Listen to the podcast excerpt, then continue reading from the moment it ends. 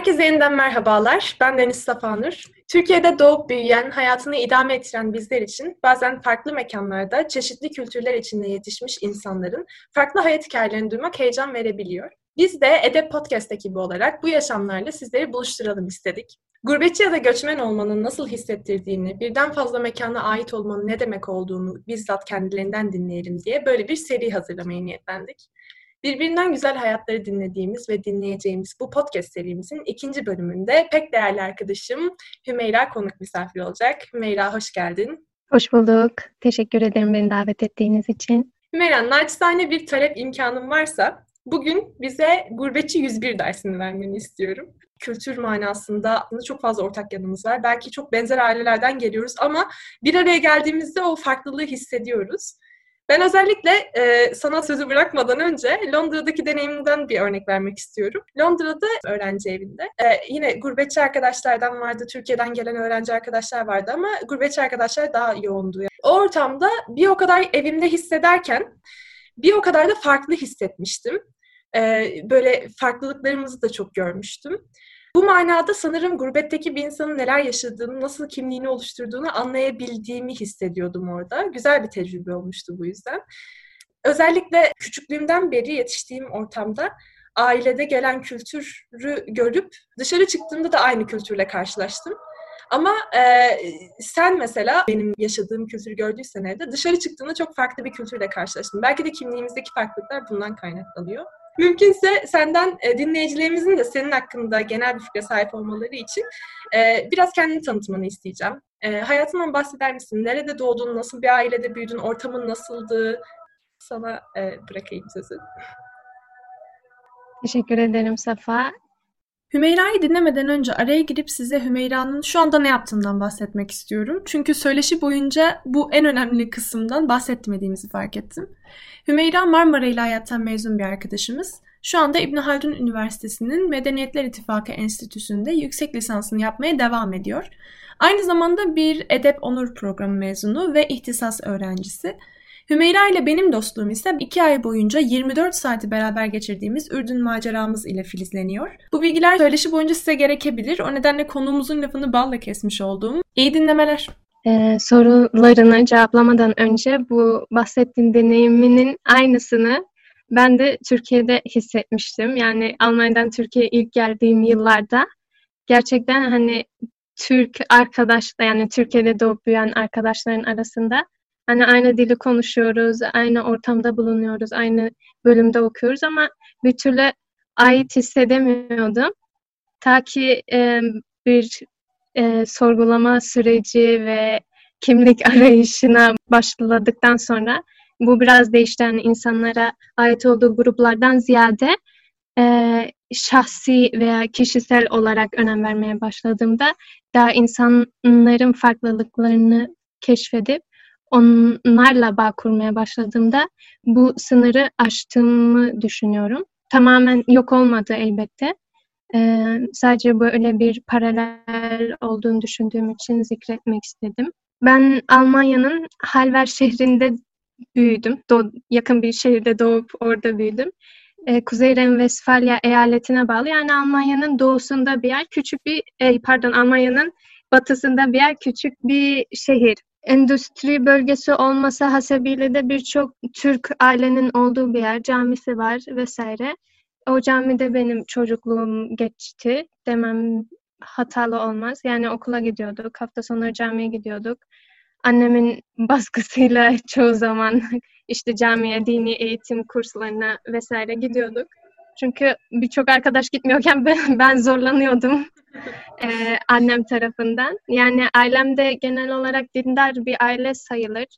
Ee, dedem vaiz ve müftülük yapmış bir insan. Hala e, faaliyetlerini devam ettiriyor kendisi. Kendini dine adamış.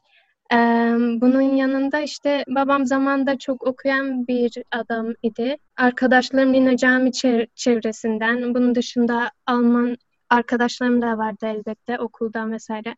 Hala Almanya'ya gittiğimde görüştüğüm Alman arkadaşlar var.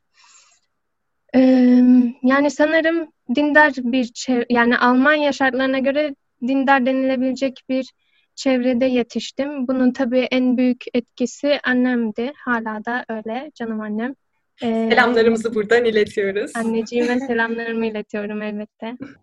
Evet. Peki sana aslında şu, ilk bahsettiğim meseleden şunu sormak istiyorum. Demiştin ya e, Türkiye'ye geldiğimde senin yaşadığını hissettim. E, yani bir o kadar evimde ve bir o kadar farklı.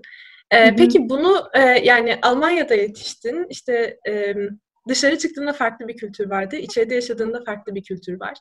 E, bunu Almanya'da da hissetmiş miydin? Yani e, Almanların arasına girdiğinde, onlarla beraber e, takıldığında e, bir o kadar ait hissediyor muydun mesela? Veya bir o kadar farklı? Hani o aidiyeti kurabiliyor muydun? Daha çok evinde mi ait hissediyordun? Ben Hümeyra'yım ve evimdeki Hümeyra mıydım? Yoksa e, dışarıda işte e, daha karışık kültürel bir ortamda ben Hümeyra'ydım mı dersin? Çok güzel bir soru.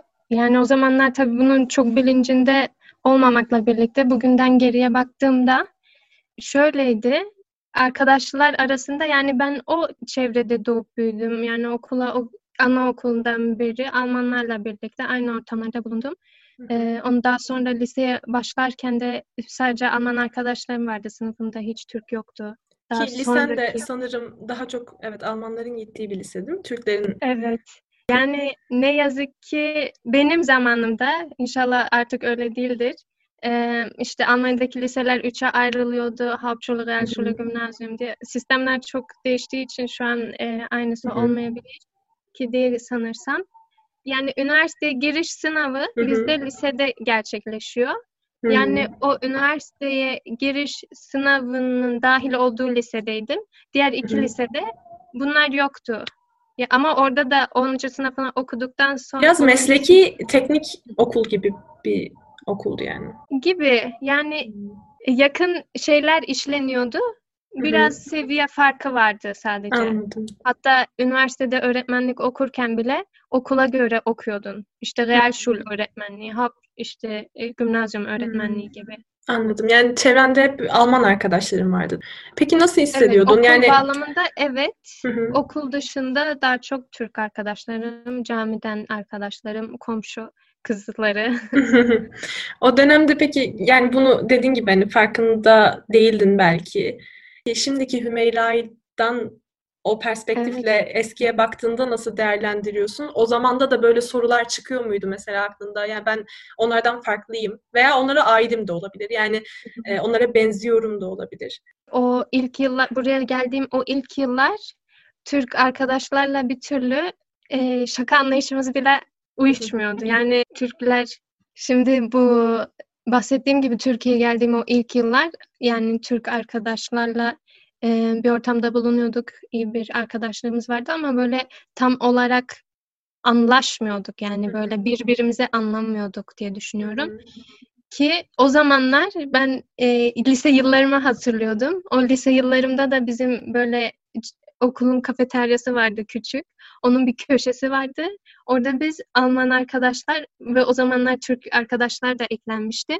Onlarla böyle bir arada oturup şakalaşıyorduk böyle. O Türk arkadaşlar eklenmeden önce de hep Alman arkadaşlarla şakalaşıyorduk böyle. Yani orada anlaşabileceğiniz bir ortam evet. vardı ve buraya evet. geldin bir anda anlaşamıyorsun ama aslında aynı kültürdensin, aynı ortamdan biliyorsun sen o insanları. Yani çünkü orada sosyalleşmişim. Aynı ortamda sosyalleştiğimiz için hı hı. E, böyle şaka anlayışımız, aynı hocalara, hocalardan ders alışımız. Peki e, Hümeyra şunu sormak istiyorum. Mesela Alman arkadaşlarımla şakalaşıyorduk dedin ya.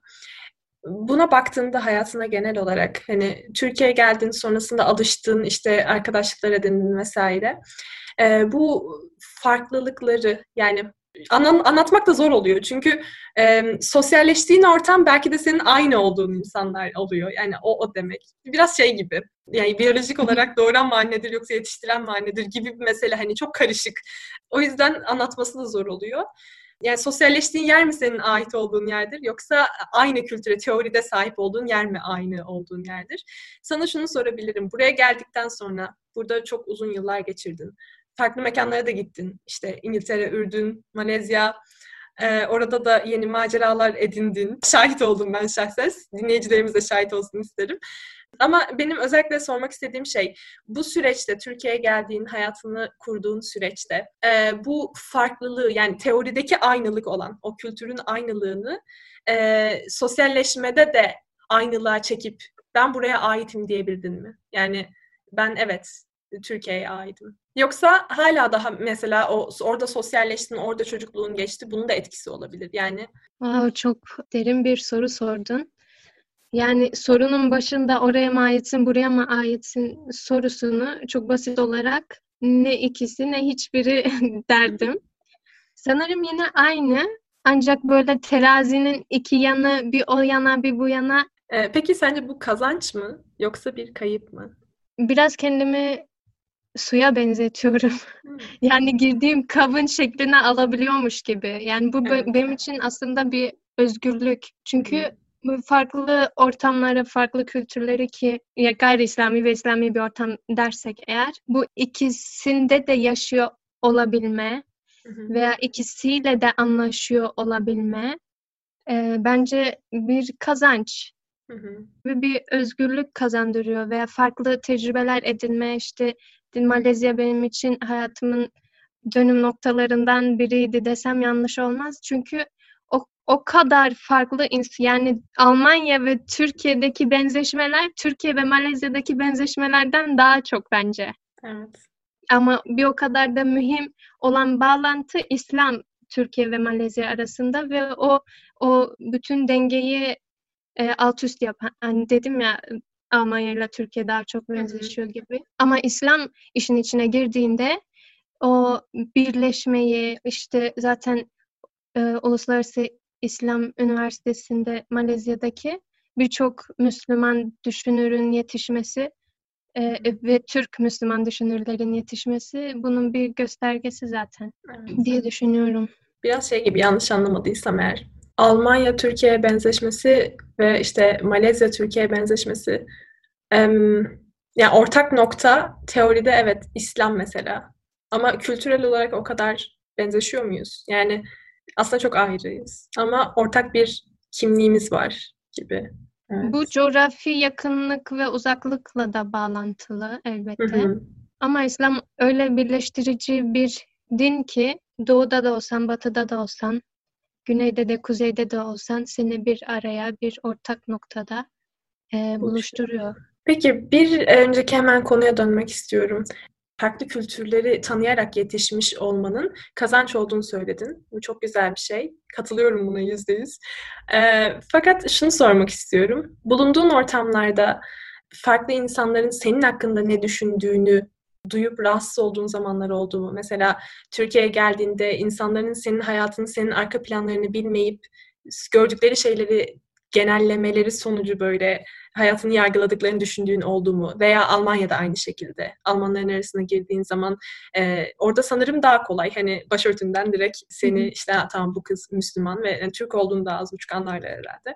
Hani Türk ve Müslüman bir kız. Hani bunun getirdiği bir dışlanma veya dışlanma olmasa da e, soft discrimination olan böyle biraz daha e, dışlanmıyorum ama dışlıyorum tarzı bir tavır e, yaşadığın, tecrübe ettiğin oldu mu? Türkiye'de bu çok olmadı. Ya olduysa da bu e, şivemden dolayı bazı yorumlara maruz kaldım ve kalıyorum. Bu da şey değil yani böyle bir iki cümle pazarda amcayla pazarlık yaparken değil.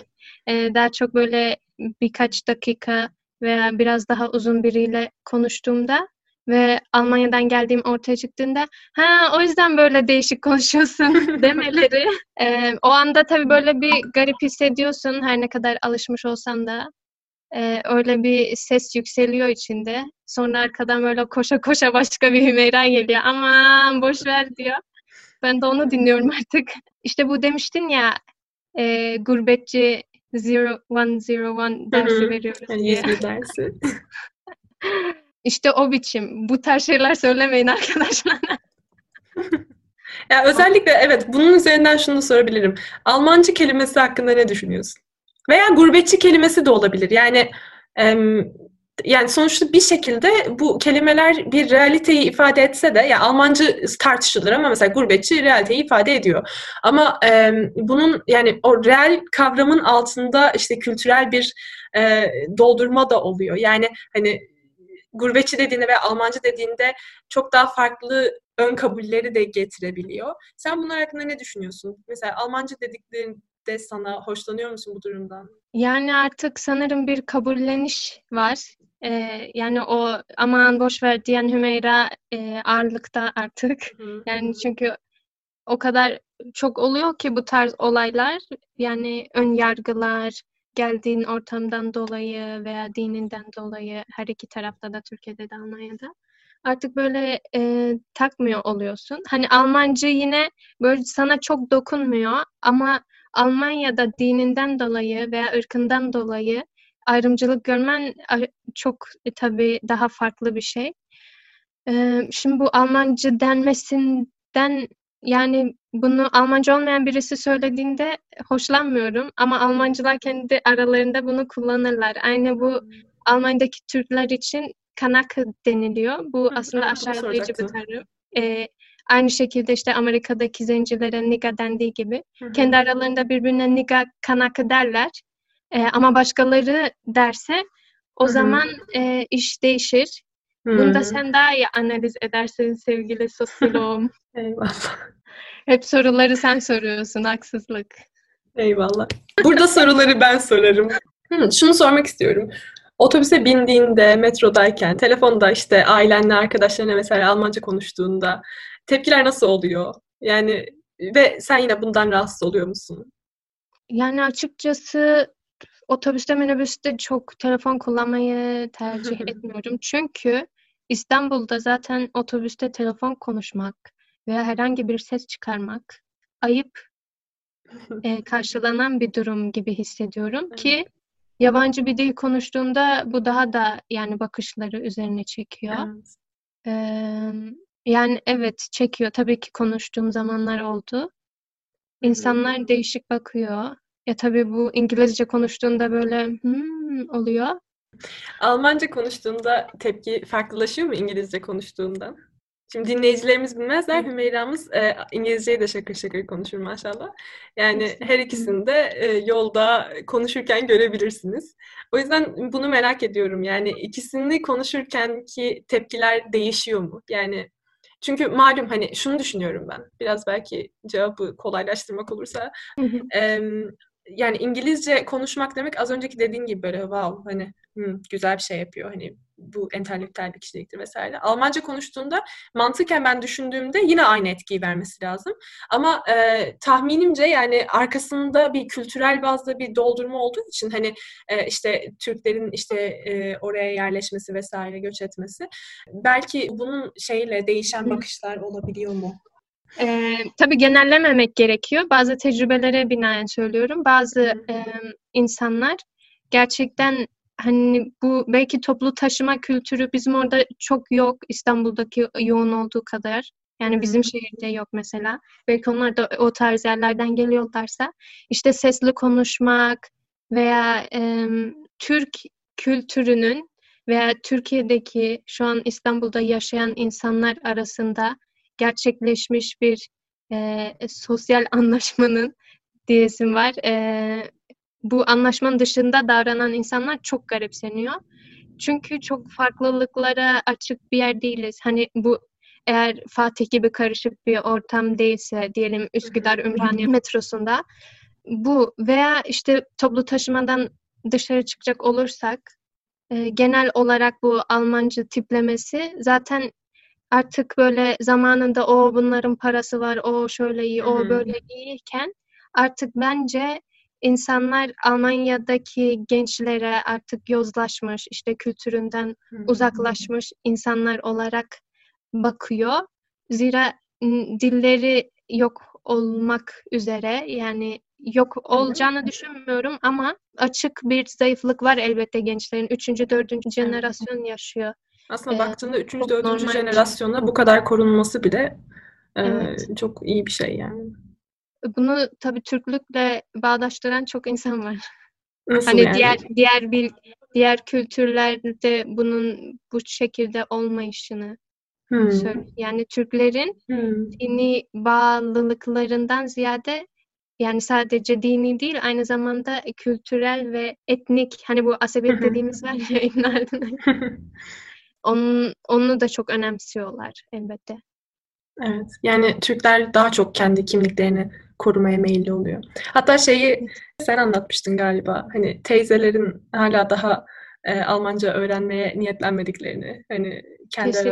aralarında e, Türkçe konuşmaya devam ettiklerini. Hala mesela İtal gelinler oluyor, İtal damatlar oluyor. Nasıl Ee, yani? yani Türkiye'den Almanya'ya damat geliniyor, gelin geliniyor. Çok güzel. Bunu böyle mi diyorsunuz kavram? Evet, İthal.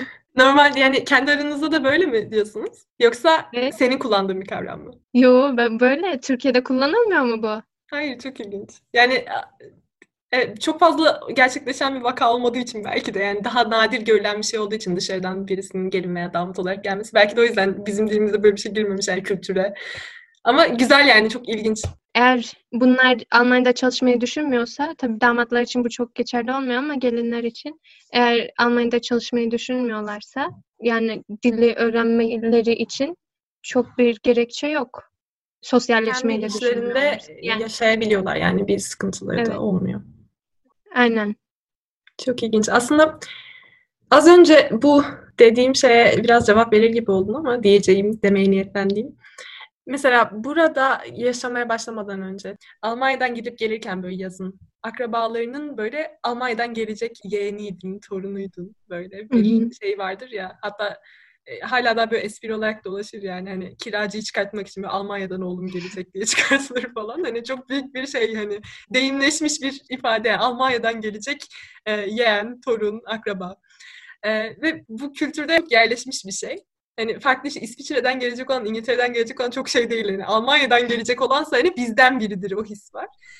Ee, işte 80'leri izliyorsan oradan da hatırlıyorsundur.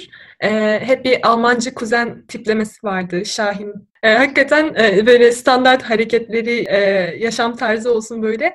Çoğu insanın aklına Almancı dediğinde gelen tipleme o oluyor. Ee, bunu nasıl değerlendiriyorsun? İlla ki sizin e, akrabalardan da Almanya'da yaşayan, e, 80'leri izleyen vardır. E, nasıl değerlendiriyorlar? E, senin az önceki dediğin gibi önceki bir mesele miydi? Çünkü orada da Şahin e, hep işte elektronik bir şeyler e, kullanan, farklı, daha zengin, daha böyle ilginç şeyler e, söyleyen, farklı bir kültürden gelmiş ama bir yandan bizden biri. Hani bu tipleme değişti mi yoksa hala böyle devam mı ediyor? Yani diziyi çok izlemedim. İzleyenleri de çok bilmiyorum. Yani buradaki akrabalarım izliyordu. Ee, yani maruz kalmışlığım var o tiplemeye. Ee, saç tipi vesaire bizimkilerde de vardı zamanında. Artık zaten küreselleşmeyle birlikte Evet. saç tipleri de Türkiye'dekiyle Almanya'dakiyle e, bir olmaya başladı. Ama bunun dışında öyle işte gereksiz işlerle uğraşanlar veya işte hayatın amacından uzak, kültürden, dinden uzak bir tipleme işte yani bu tarz gençlerin asla ezan sesini duymayarak büyüdükleri, yani ezan sesini işitmeden yetiştikleri veya bulundukları ortamda kimsenin Allah peygamber demeyişi onları elbette etkiliyor. Yani Evet. buradaki en dindar olmayan insan bile günde en az beş kere, Hı hı. yani en az dört kere diyelim sabah ezanını duymuyorsa, Allahu Ekber sesini duyuyor ve bu müthiş bir şey. Bu kendimde kıyasladığımda buradaki namaz kılışlarım ve Almanya'daki namaza duruşlarımla ara- yani arada dünyalar kadar fark var. Hmm. Ki yani bir ca- ca- camiye işte Mihrimah Sultan'a yeni Valide-i Cedid'e gitmekten bahsetmiyorum. Sadece Evet. bir ezan duymak. Hani bu güzel sesli bir ezandan ziyade herhangi bir ezan da olabilir. Yani oradaki gençler bundan maruz. Yani sadece ezan sesin olarak anlamıyorum bunu. Birçok dini unsurdan insanlar eee, uzak. Hı hı. Dolayısıyla bulundukları ortamlar işte kahvehaneler, kıraathaneler genellikle işte Hı bu hı. gençlerinin ve Türk erkeklerinin eee, buluşup sosyalleştiği ortamlar. İşte o tarz mekanlarda mekanlara yakın yine e, gayrimüslimlerin yönettikleri barlar veya Müslümanların e, nargile barları e, veya işte oyun salonları vesaire bunlar çocukları gerçekten cezbediyor veya gençleri. Ve bunun dışında işte e, oyun istasyonları tabii ki eve de taşınabiliyor. Bu da Türkçeleştirilmiş PlayStation. e, yani maneviyat anlamında, ma- maneviyat bağlamında hayatlarında çok az bir şey var. Veya evet. işte in, cumadan cumaya giden bir genç için biz seviniyoruz açıkçası. Evet. En azından hani haftada bir yani kendi dinini öğrenmek için bir çaba sarf ediyor gibi. Bunun dışında elbette insanların özel hayatlarında Allah'a yönelik ve hayatın anlamına yönelik çabalar vardır diye umut ediyorum. Çünkü insan bu yani insan e, hayatı anlamlandıramadan yaşayamaz diye düşünüyorum. Evet.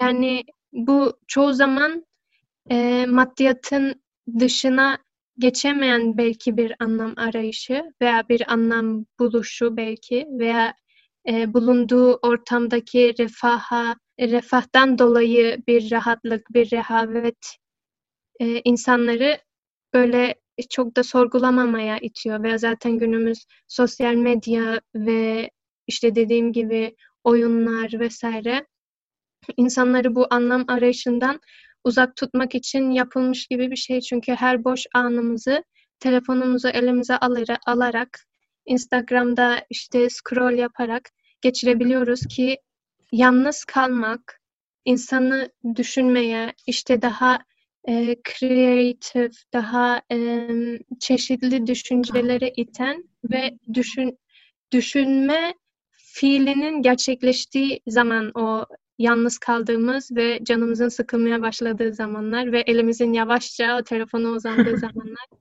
e, burada da öyle bir negatif yan var. Tabii evet. ki bu genellenmemek gerekiyor. Çok güzel faaliyetler de var Almanya'da. E, dini kuruluşlar var, çabalar var, farklı farklı cemaatler var. Her birinin farklı bir görevi, farklı bir e, farklı bir açıdan İslam'a yönelik çalışmaları var. Allah onlardan kat kat razı olsun, sayılarını Amin. arttırsın. Amin. En doğru şekilde İslam'ı öğrenip, anlayıp, anlatmayı nasip etsin. Hem oradakilere hem de e, bizlere inşallah. İnşallah. Evet. Yani belki de çoğu şeyde yaptığımız gibi bir etiket koyup e, işte bu Almancı deyip bu işte gurbetçi e, çeşitli şeylerini yani o kimliğe bağlamak onun sorumluluğuna bağlamak gibi Hı-hı. ama arka planında yaşadığı çok farklı e, durumlar var. Bunları belki es geçmek gibi. Biraz da şey belki de. Bunu yine Londra'ya gittiğimde çok yaşamıştım. En başta hani ikimiz de işte e, aynı kültürde büyüdük diye düşünerek bir beklentiye giriyordum yani. Ee, yani. Şu anda şu tepkiyi vermesi gerekir. Çünkü bizim kültürde bu tepki verilir gibi. Ama hani hiçbir zaman böyle e, net e, şeylerin olmadığını e, orada öğrenmiş oldum. Yani bu böyle işte bu kültürden geliyorsa şunu yapması gerekir, şu kültürden geliyorsa şunu yapması gerekir gibi. Hele ki böyle farklı farklı yerlerden e, farklı farklı kimliklerde arasındaki köprüyü kurmaya çalışan o mühendislere e, hiçbir laf e, edilmez yani. Çünkü e, o arka planı oluşturmak, o farklı kültürleri uzlaştırmaya çalışmak çok büyük bir haslet aslında. Yani bu konuda da ben canlı gönülden seni tebrik ediyorum. Hani e, hem kendin kendi e, inancının peşinden gidip e, böyle bir ortamda yani bu bahsettiğin gençlerin aynı yetiştiği aynı ortamda büyüdün hoş yani e, ve kendini geliştirip böyle e, güzel hizmetler veriyorsun şimdi de Allah razı olsun. Meyra'cığım bir e, diğer sorum da e, gerçekten cevabını çok merak ettiğim bir soru. Çünkü birçoğunda ben de seninle birlikteydim e, ve bütün o sürecine şahit oldum. Tabii ki senin şahit olduğun kadar şahit olmasam da olmaya çalıştım e, Malezya, Ürdün, İngiltere, çeşit çeşit yerlerde beraber bulunduk. Tabii Malezya'da bulunamadım ama gönlüm seninleydi. Bulunmuş kadar oldun. Allah razı olsun. Bu süreçler e, yani bu Ürdün'de yaşadığımız süreçler İngiltere'de, Malezya'da e, aidiyetini nasıl şekillendirdi? Hümeyra'yı nasıl oluşturdun sen bu süreçte? Bu kimliği oluşturmada neler etkili oldu? Biraz bunlardan da bahseder misin bize? Elbette.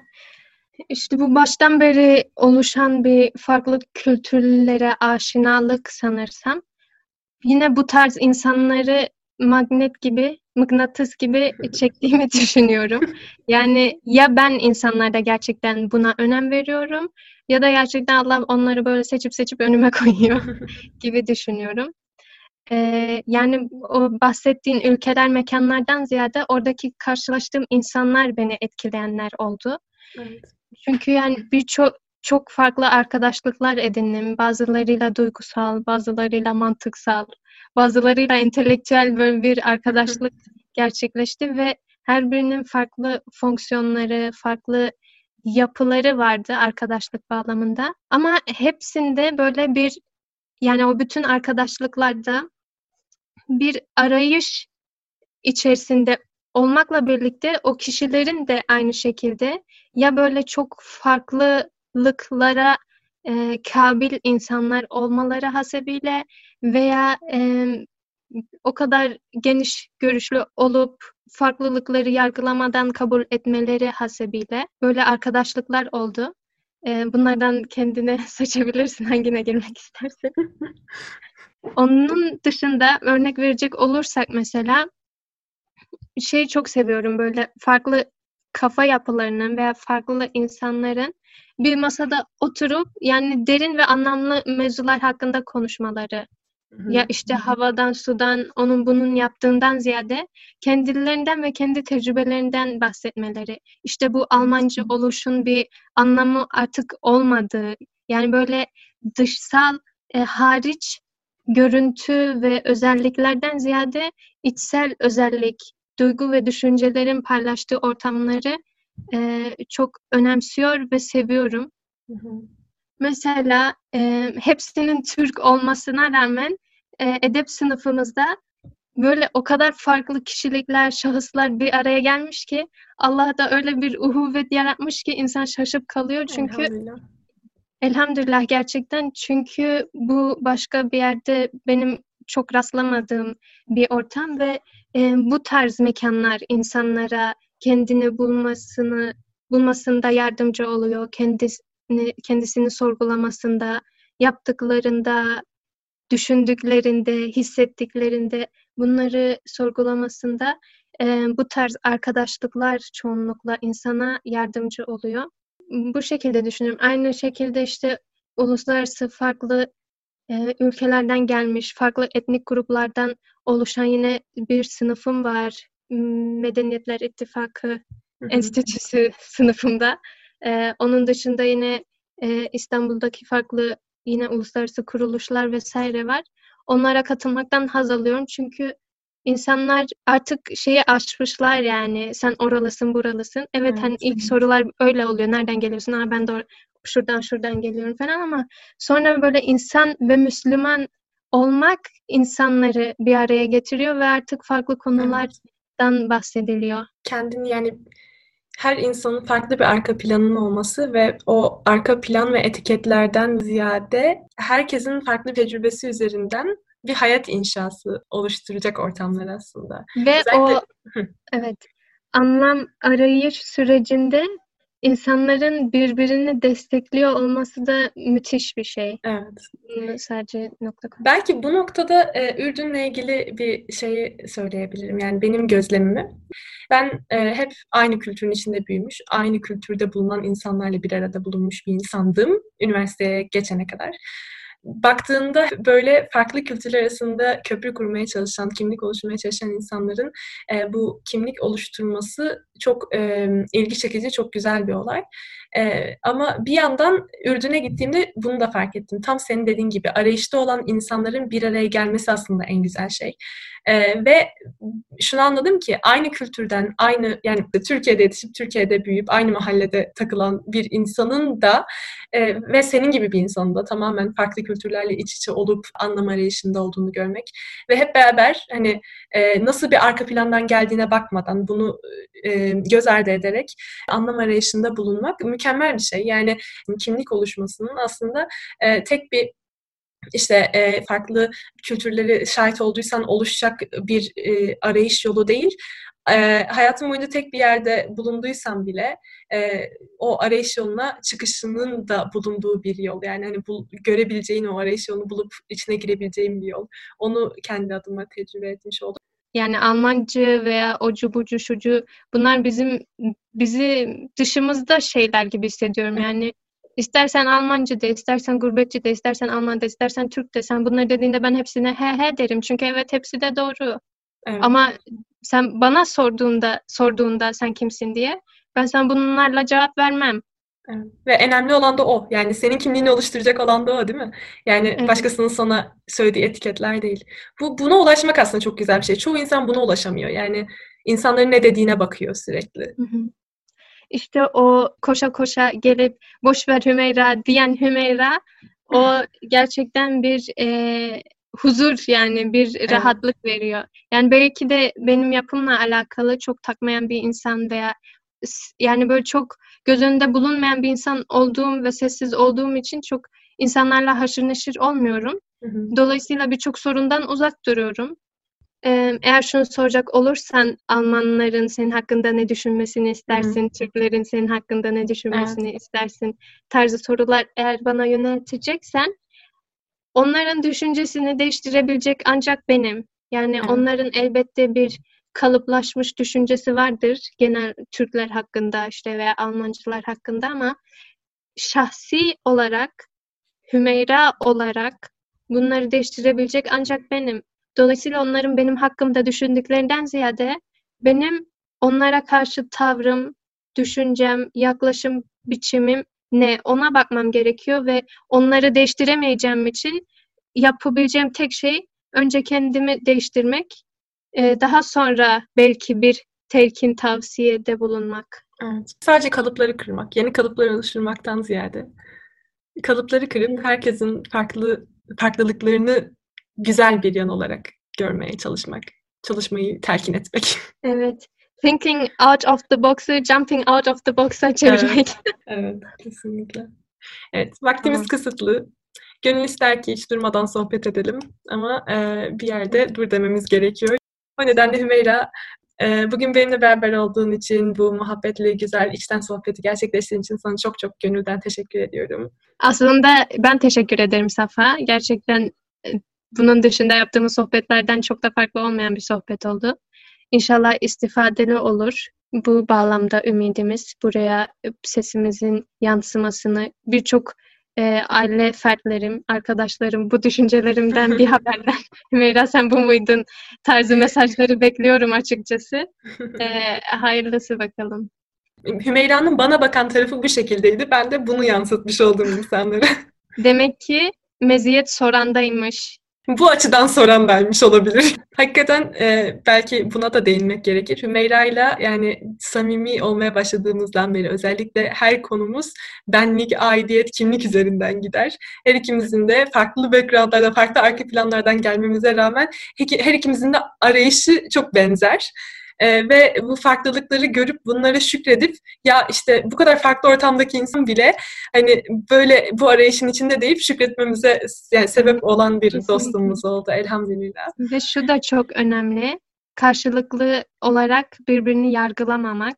Evet. Çünkü e, bu kalıplaşmış şekillerden çıkamadığımız için işte bu benim formuma uymuyor, işte kötü, bu uyuyor, işte iyi. Evet. Yani bu yargılardan uzak olduktan sonra herkesle irtibat kurabilir, herkese açık bir kapı tutabiliriz diye düşünüyorum. Evet, kesinlikle. Hatta belki şunu da eklenebilir. Mesela Ürdün'de biz samimileşmeye başladık Hümeyra ile. Ee, orada her konuşmamızda diyorduk mesela, yargıları bırakıyoruz. Ee, farklı bir şey söyleyeceğim. Hani sana da garip geliyor, bana da garip geliyor çünkü diye. Her konuşmamız böyle başlar. Ama şöyle yanlış anlaşılmasın. Allah'ın koyduğu yargılar dışındaki yargılardan bahsediyoruz. Evet, kesinlikle çok güzel bir noktaya değindin gerçekten. Ee, yani belki kültürel böyle dine dokunmayan taraftan kültürel, dünyevi e, hayatımıza yönelik kültürel olan normlarımızdan, inan, inanışlarımızdan, arka plandan gelecek baskılardan e, arınarak sohbetler e, yöneltiyoruz birbirimize. Böyle teşekkür ediyorum tekrardan Ümeyra. Ben Değerli dinleyicilerimize de çok teşekkür ediyorum. Bizlere vakit ayırdığınız için. Ee, Edep Söyleşi kanalımızın kimlik serisinin ikinci bölümünü de bu şekilde bitiriyoruz. Bizi dinlediğiniz için çok teşekkür ederiz. Kapanışı yapmadan önce sizlere bir ekipten de bahsetmek istiyorum. Instagram ve Twitter'daki afişlerimizi, highlightlarımızı görmüşseniz bunları hazırlamak için arka planda çalışan büyük bir edep ekibi var. Podcast projemizde gönüllü olarak çalıştıkları için kendilerine çok çok teşekkürlerimizi iletmek istiyoruz. Hem fikir aşamasında hem fikirleri amele dökme aşamasında bizlere çok çok destek oluyorlar. Buradan şükranlarımızı iletiyoruz onlara. Efendim her bölümde kusurlarımız da oluyor. Özellikle kimlik bölümünde çok daha ayrı kusurlarımız oluyor. Bazen söylediğimiz kelimeler ve bazı insanları kötü hissettirebiliyor. Bu nedenle bir sıkıntı olmuşsa, bir sıkıntı duymuşsanız, görmüşseniz podcastlerde affola. Yorum ve eleştirilerinizi mail adresimizden, Twitter'dan, Instagram adreslerimizden bizlere ulaştırabilirsiniz. Ee, gelecek söyleşilerimiz için SoundCloud hesabımızı takip etmeyi unutmayın. SoundCloud hesabımızın linkini de Twitter'dan bulabilirsiniz. Bir sonraki söyleşide görüşmek üzere. Kendinize iyi bakın. Hayırlı haftalar diliyoruz. depan.